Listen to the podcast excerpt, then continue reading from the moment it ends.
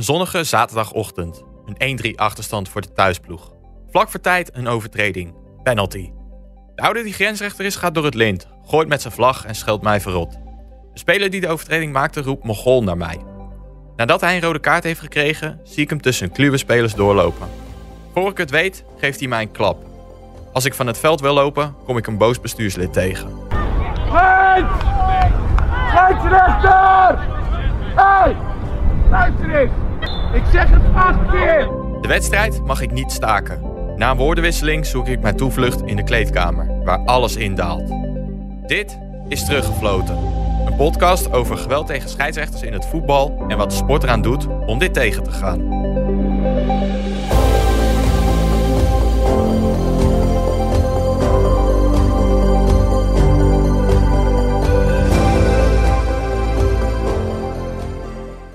Mijn naam is Rick Zinnige en in deze aflevering gaan we een uitstapje maken naar een andere sport. We gaan het namelijk hebben over hoe het er met scheidsrechters wordt omgegaan in het rugby. Ook kijken we naar wat het voetbal daarvan zou kunnen leren. En dat doe ik vandaag met Koen Maaien. Hij is scheidsrechter in de rugbysport en kan ons dus alles vertellen over hoe het er daar aan toe gaat. Koen, welkom. Dankjewel. Dankjewel. Uh, Koen, kunt u ons eerst eens vertellen hoe u erbij bent gekomen om scheidsrechter te worden in het rugby? Ja, dat is begonnen met, uh, met blessures eigenlijk.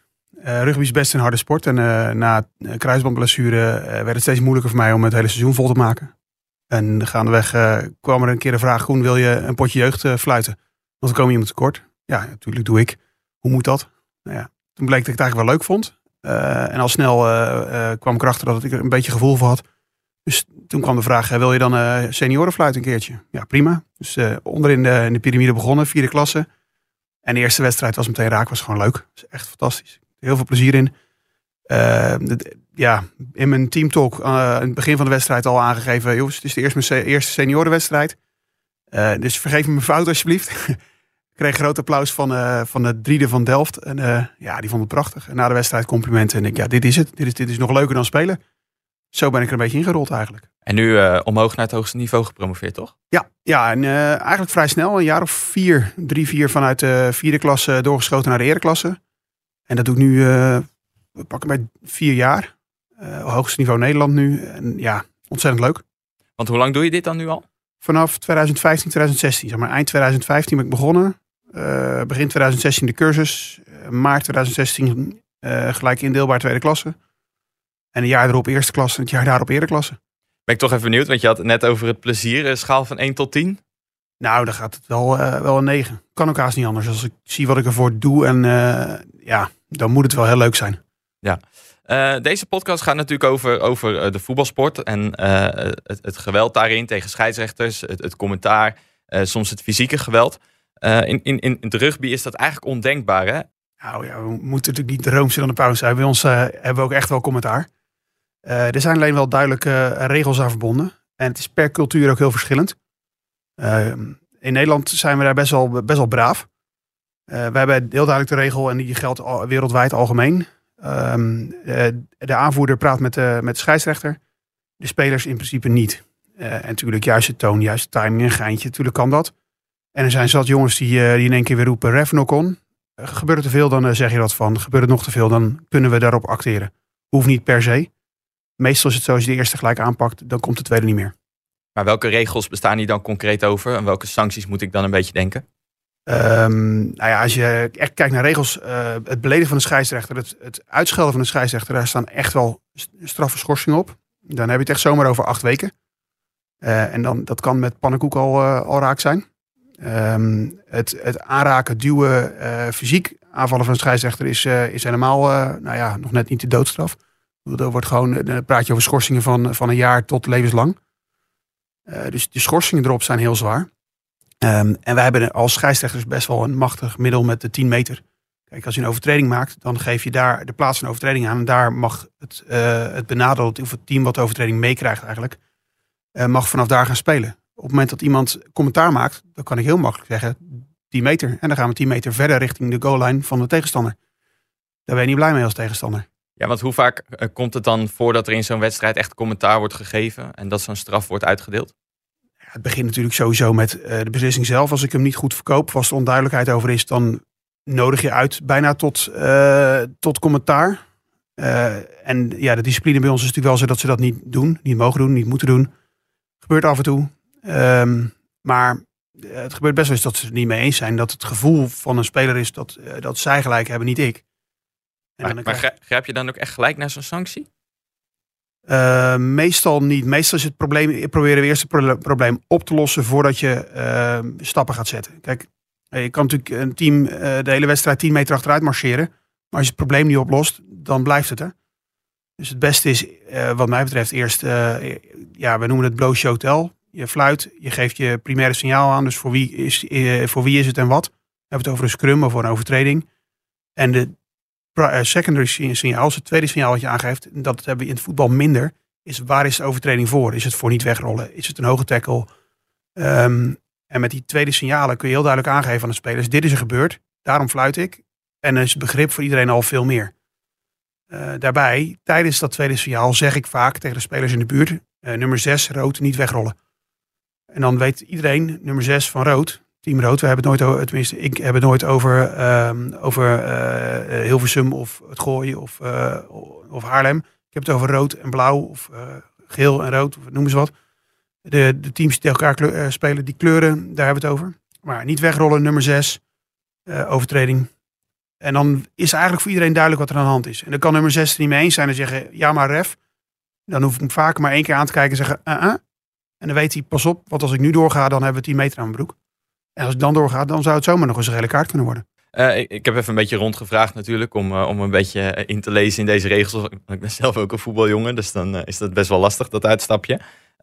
klopt het dat in ieder geval bij de jeugd het spel dan ook echt wordt stilgelegd door een scheidsrechter om uit te kunnen leggen waarom hij of zijn beslissing neemt? In principe niet. Nee, dat is de blow show tell noemen we dat. Dus de, je, je fluit, je geeft je primaire signaal aan. Ja. En tijdens dat je je secundaire signaal aangeeft, dus aangeeft waar de overtreding voor is, zeg je het hardop wat het is. En dat zou genoeg moeten zijn. Hm. Sterker nog, bij het geven van een overtreding, een penalty, uh, zet je een mark op de grond. Zet je, dat is de plek van de overtreding.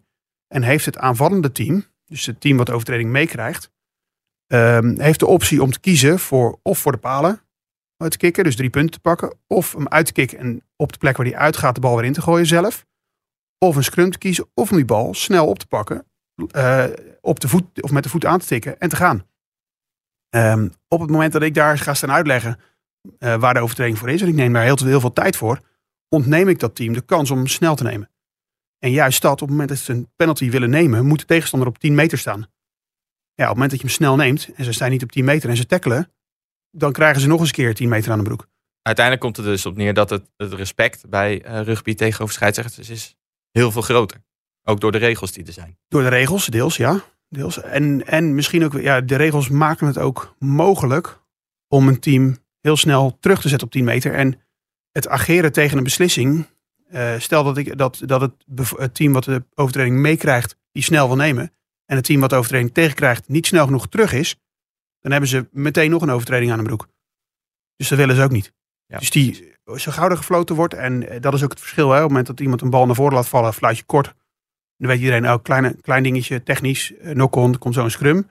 Dat gaat niet snel, hoef ik niet hard weg te rennen, op die meter te staan. Maar is het een serieuze overtreding, dan fluit ik harder. Sterker nog, is het een hoge tackle, wat ook nog eens gevaarlijk is, fluit ik nog harder en nog langer, zodat iedereen weet, oh oh, foute boel. En vaak komt er daarna een uh, dubbel fluitje achteraan. Dus het, uh, om aan te geven, stop maar jongens, tijd gaat eraf, er komt nu een kaart aan. Of een waarschuwing. Ja, dat is dan heel duidelijk. Um, en, en, dat respect is er dan dus. Want hoe kijk je dan naar hoe scheidsrechters in het voetbal worden behandeld? Ja, ik zit soms met kromme tenen naar, uh, naar Champions League voetbal te kijken. Dan denk ik, en zeker de Zuid-Amerikaanse teams of Zuid-Europese teams, uh, Latijnse vooral, zeg maar, daar, waar gewoon uh, tien man om een scheidsrechter heen staat en probeert nog iets aan die beslissing te doen die al lang genomen is. Ik vind het echt een ontzettende waste of time. Zowel van de scheidsrechter als van het publiek en de mensen die thuis zitten. Om, om het spel daarvoor stil te leggen. Dat zou bij ons niet gauw gebeuren. Waar ligt het probleem nou in het voetbal? Als je dat vanuit, vanuit de rug, rugbykant beschouwt met de, uh, de regels die daar zijn en het respect dat daar is, waar zit dan, denk jij, het probleem in de voetbalsport? Ja, dat begint met de zijkant. Het begint met de coaches. En dat, dat hebben wij ook. Hè. Er staat, staat langs de lijn staat een coach met handen omhoog een partij te schreeuwen. Um, ja, dat geeft natuurlijk een verkeerde, verkeerde boodschap aan de teams. Eh, dan heb je heel gauw, oh, hij is er niet mee eens, hij zal het wel weten. Dus ik, ik mag ook wat roepen. Eh, kijk je naar het amateurvoetbal, dan is het probleem ook weer het voorbeeld. Wat we op tv zien, doen we na. Ehm, ja, je maakt mij niet wijs dat een uh, scheidsrechter beter gaat fluiten. Uh, doordat er tien man om hem heen staat bij elke beslissing. Kan ik niet geloven. Nee. Ik in ieder geval niet.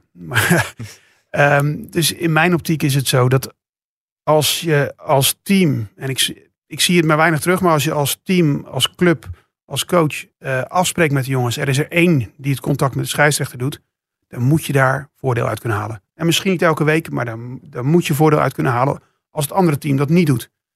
Op een gegeven ogenblik is die scheidsrechter dat team zat. En dan gaat hij, dat, dan gaat hij daar wat van vinden. En dat ga je merken in de, in, in de, in de beslissingen. De KVB heeft natuurlijk wel, uh, uh, ik weet niet of je dat weet, een paar jaar geleden wel gezegd: oké, alleen de aanvoerder mag vanaf nu nog wat zeggen. En iedereen andere die dat te veel doet, die krijgt een gele kaart. Maar echt handhaven erop gebeurt dan ook niet. Is dat dan te slap misschien? En misschien wel. Misschien moet je daar. Ja, dat, dat is een lastige. Dat is cultuursverandering. Is niet, het is niet zomaar een stapje wat je zet. Je gaat echt, uh, echt een, een, een, hele grote stap zetten daarin. Als je dat makkelijker wil maken, moet je ook tijdstraffen gaan koppelen, denk ik, aan die gele kaarten. Want ja, wat is nou een gele kaart in voetbal? Op laag niveau zit hij er wel aan, maar op hoog niveau bijvoorbeeld niet. Heel snel invoeren, daar wordt het spel leuker van. ja. Um, ja, we hebben mensen in de voetbalkantine gevraagd uh, of zij de regels over de omgang met scheidsrechters in de rugbysport, maar ook in de hockeysport, want daar is het uh, ook wat strenger, of zij die kennen en of het voetbal daar een voorbeeld aan zou moeten nemen. Nee, heb ik nog nooit echt mee bemoeid, uh, eerlijk gezegd. Dus. Uh, nou, niet exact, maar ik weet wel dat daar de regels, weet je, je mag gewoon helemaal niks zeggen. Want je krijgt volgens mij dan meteen een uh, tijdstraf of een uh, gele kaart. Of ik weet niet precies hoe ze daar met kaart werken. Maar dan is meteen, zodra je wat zegt, kan je, hup, voetzie van het veld. Ja, ik hockey zelf, dus ik weet hoe het werkt. Ja, ja nul, nul, want anders halen ze je aanvoerder eruit. Zou dat voetbal daar een voorbeeld aan moeten nemen? Heb ik al honderd keer voorgesteld. Ja, dat moeten ze echt doen. Want je straft het team op het moment dat je een scheidsrechter wat aandoet. Dus dat is zeker te doen. Ja, wel zeker. Ja. Heel belangrijk. Het is, dat heb ik altijd gezegd als ik naar de hockey kijk. Mensen lopen gewoon weg. Als de scheidsrechter een besluit heeft genomen en ze willen wat zeggen, de scheidsrechter hoeft maar te kijken en ze zijn vertrokken. Dan moet ik wel zeggen dat ik de laatste tijd, bij, vooral bij de heren, wat meer gezanik van de heren hoor, zeg maar. Maar het wordt altijd geaccepteerd en daar zouden voetballers ook naar moeten luisteren. Zeker. Ik denk dat ze veel van het hockey uh, kunnen overnemen in een positieve zin. Uh, nou, ik weet wel dat uh, bij rugby wordt er nooit gezaaid tegen de scheidsrechter. Er wordt altijd geluisterd. Ze zeggen wel eens een gentleman sport. Played by animals. Zoiets. nou ja, het is, netter. Dus we kunnen als voetballend Nederland kun je ze daar iets van, van, van leren, denk ik. Ja. Ik denk dat ze daar prima een voorbeeld aan kunnen nemen. Ja. Ja, of, of je dat allemaal gaat redden, dat is vers 2, omdat je natuurlijk wel, hè, dat is echt een cultuurverandering. Maar laten we er in ieder geval met elkaar mee beginnen om dat te doen. En uh, ja, dat draait dan allemaal wel weer op gewoon ook het daadwerkelijk handhaven en toepassen ervan. Ja, Koen, moet het voor voetbal een voorbeeld nemen aan de rugbysport? Ja, moeten, moeten. is een keuze, hè? Uh, er zijn zeker dingen die ze kunnen toepassen en die echt wel, wel zin kunnen hebben ik zeg het inderdaad wel eens, ja, die, die, uh, die gele kaart voor protest doen. We hebben een VAR tegenwoordig, hè, daar kunnen we ook gebruik van maken. Uh, doe het achteraf. Een paar schorsingen aan de hand van, uh, van noem eens wat, zwalbes. Of extra kaarten uitdelen daarvoor. Ik kan vast geen kwaad. Ik denk dat de spelers dan heel, gaan, heel hard gaan nadenken over wat ze eigenlijk aan het doen zijn. Ik denk dat, dat je er zeker wel dingen uit kunt halen. Je hebt het dan een, net een beetje over een cultuuromslag gehad. Um, is de manier waarop het nu gaat nog om te keren? Of is het misschien zelfs al te laat? Het is nooit te laat. Nee, nee als, je, als er een wil is, is er een weg. Alleen uh, zul je dan heel hard vast moeten houden aan bepaalde, bepaalde, bepaalde regels en aanpassingen. Um, ja, en moet er ook heel duidelijk uitgelegd worden waarom dat nodig is. En dat, dat kun je ook niet van onderaf doen. Op het moment dat je dat in de lagere klassen gaat proberen uh, en niet op tv dat verandert, gaat er weinig veranderen. Het voorbeeld moet veranderen. Kijk, ik, ik zeg wel eens, een slecht voorbeeld eh, ja, uh, geeft dramatische volgers. En dat is het. Als je een slecht voorbeeld geeft, de volgers gaan het nog slechter doen. Dus als je het op tv al verkeerd doet, dan gaan de jongens dat op het plein ook doen. Is dat ook een beetje misschien uh, het nadeel van dat de voetbalsport dan zo groot is? Want bij rugby, uh, dat is een iets minder grote sport natuurlijk, zien we iets minder vaak op tv. Uh, heeft dat dan ook met elkaar te maken, denk je? Nee, nee, dat denk ik niet. Rugby is in Nederland niet zo groot. Ehm, maar vergis niet, het, is het, het rugby WK is het op twee na uh, grootste sportevenement ter wereld. Hè? Er zit het, het WK voetbal en de Olympische Spelen voor. En daarna komt het WK rugby. Het is, het is niet, niet een, een sportje. De- wereldwijd is het echt gigantisch. Ja. Ehm, en ja, eh, kijk, we hebben daar een aantal kernwaarden. En, en, plezier, eh, respect, eh, respect en sportiviteit staan er heel hoog. Ehm, maar ook daardoor zijn we heel in- innovatief als sport. Eh, wij hebben ieder jaar nieuwe regels, bijna. Ehm, nu het WK komt eraan, 2023 in Frankrijk. Eh, er worden nu alweer er wordt er aan, de regels gesleuteld om het voor de spelers veiliger te maken, om het voor het publiek leuker te maken en begrijpbaarder. Dus we zijn constant aan het sleutelen aan de regels. Het is niet een beetje, hè, en het zijn echt grote stappen. Hè. Dus er wordt nu gesproken over de tacklehoogte aanpassen van eh, de schouderlijn tot onder het middenrif. Nou, dat is best een stukje. Ja. Ehm, maar ook, ook hele technische dingen die ze blijven aanpassen om de sport attractiever, leuker, eerlijker te maken. Dus daar komt het ook mee. En dat heeft niks te maken met hoe groot een sport is. Als je dat van bovenaf goed regelt, volgt iedereen vanzelf. Leuk om even te benoemen. We hebben het er eh, eh, voor de uitzending ook even over gehad.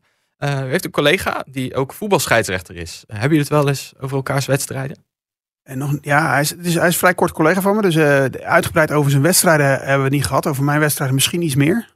Ehm, maar inderdaad, we hebben het wel eens over het fluiten. En, en, en wat zijn doelen dan zijn en hoe dat dan gaat. En, ik heb hem uitgenodigd om binnenkort een keer te komen kijken.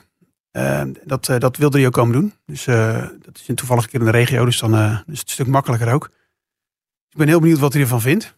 En wat hij, wat hij daar weer uithaalt. Ja, en misschien dat ik ook nog een kansje krijg om bij hem te kijken. En misschien zelfs een keer een wedstrijdje voetbal te fluiten. Op desnoods in mijn dorp. Want, ja, ik ben wel benieuwd hoe dat nou gaat. Zou je dat willen? Heel graag. Ja, nou ja, ik ben bang dat als er heel veel gepraat wordt, dat het veld gauw leeg is. Alhoewel de 10 10 minuten tijdstraf hebben we natuurlijk niet. eh, misschien wel, ik weet niet welk niveau dat is in, eh, in het voetbal. Maar Eh, Ja. ja, dus de, de- nou ja, dat noemen ze de B-categorie. Dus dat is zeg maar de wat lagere klasses. ja, wie weet. Het zou op zich leuk zijn, ja. En ik ben, ben benieuwd, want ja, ik heb hem wel eens met mijn collega over gehad van joh, hoe gaat het dan in wedstrijd? En bij mij is het verplicht dat ik een teamtalk hou vooraf. Dat ik een uitleg geef over hoe fluit ik, wat wil ik van de spelers. Eh, ik zeg, doen jullie dat ook? Nee, zegt hij, als ik dat doe, dan word ik uitgelachen. Dat zijn ze niet gewend. Dat zijn dingen die echt heel anders zijn volgens mij. En de- ik denk dat het best wel eens goed is om dat soort dingen op te pakken. En te zeggen, joh, eh, eh, feedback graag na de wedstrijd. Tijdens de wedstrijd heb je aanvoerder om dat te regelen. Nou ja, als ze dan dat opvolgen en dat, daar kun je tijdens de wedstrijd aan refereren naar spelers, dan helpt dat ook weer. Dus dat is eigenlijk misschien wel een hele belangrijke les voor het voetbal. Ja, misschien wel. Misschien wel. Ehm, wel- wel- welke les denk, denk je dat je eh, mee kan gaan geven aan je collega als hij naar jouw wedstrijd komt kijken? Zo. ja, ik weet niet of ik echt een les mee kan geven. Het is meer, meer hij kan zien. hoe- Tips. Ja, ja, sell your decision zeg ik wel eens. Hoe makkelijker je je, je besluit verkoopt, hoe beter het overkomt. Het gaat vaak niet eens over of het besluit juist is of niet. Het gaat om hoe je het verkoopt. Zeggen ze in het Engels wel eens, eh, you can um, better sell a poor de- decision very well than the, the different way around. Ja. Want ja, dan ben ik hem kwijt. Als je een slechte beslissing goed verkoopt, dan is het veel makkelijker dan een goede beslissing slecht verkopen. Want dan eh, heb je nog steeds commentaar. Dat is een mooie, die kan een beetje op het tegeltje dan. eh. Ja, bijna wel, ja. Ehm, tot slot, ehm, als we dan toch in de tips en de lessen zitten, dat is wel lekker. Trekken we nog heel even door. Ehm, welke ultieme tips zou je het voetbal mee willen geven? Of misschien zelfs de voetbalbond, de clubs, de spelers? Nou ja, ik heb wel eens gehoord. Marco van Basten is een tijdje bezig geweest met, eh, met spelregels voor de FIFA. Eh, daar, heb ik, daar heb ik best wel met interesse naar zitten kijken en luisteren. Ik zou zeggen, luister alsjeblieft een keer naar die man, want die heeft echt goede ideeën. En eh, verander van bovenaf. Het voorbeeld moet, moet er zijn en dan volgt de rest vanzelf. Als je een verkeerd voorbeeld geeft, gaat het niet goed komen. En dat zal de FIFA moeten doen, want dat is wereldwijd. Je kunt als de Nederlandse bond ook maar een stukje doen. Maar als ze in, eh, in Zuid-Europa blijven klagen en rollenbollen, dan gaat er echt niks veranderen hoor. We gaan het doorgeven, zou ik bijna zeggen. Eh, top. Nou, Koen, heel erg bedankt voor je komst vandaag. En eh, nou ja, voor alle antwoorden en alle verhalen. Dit was Teruggefloten. Mijn naam is Rick Zinnige. Ik bedank u voor het luisteren en begroet u graag weer bij een volgende aflevering.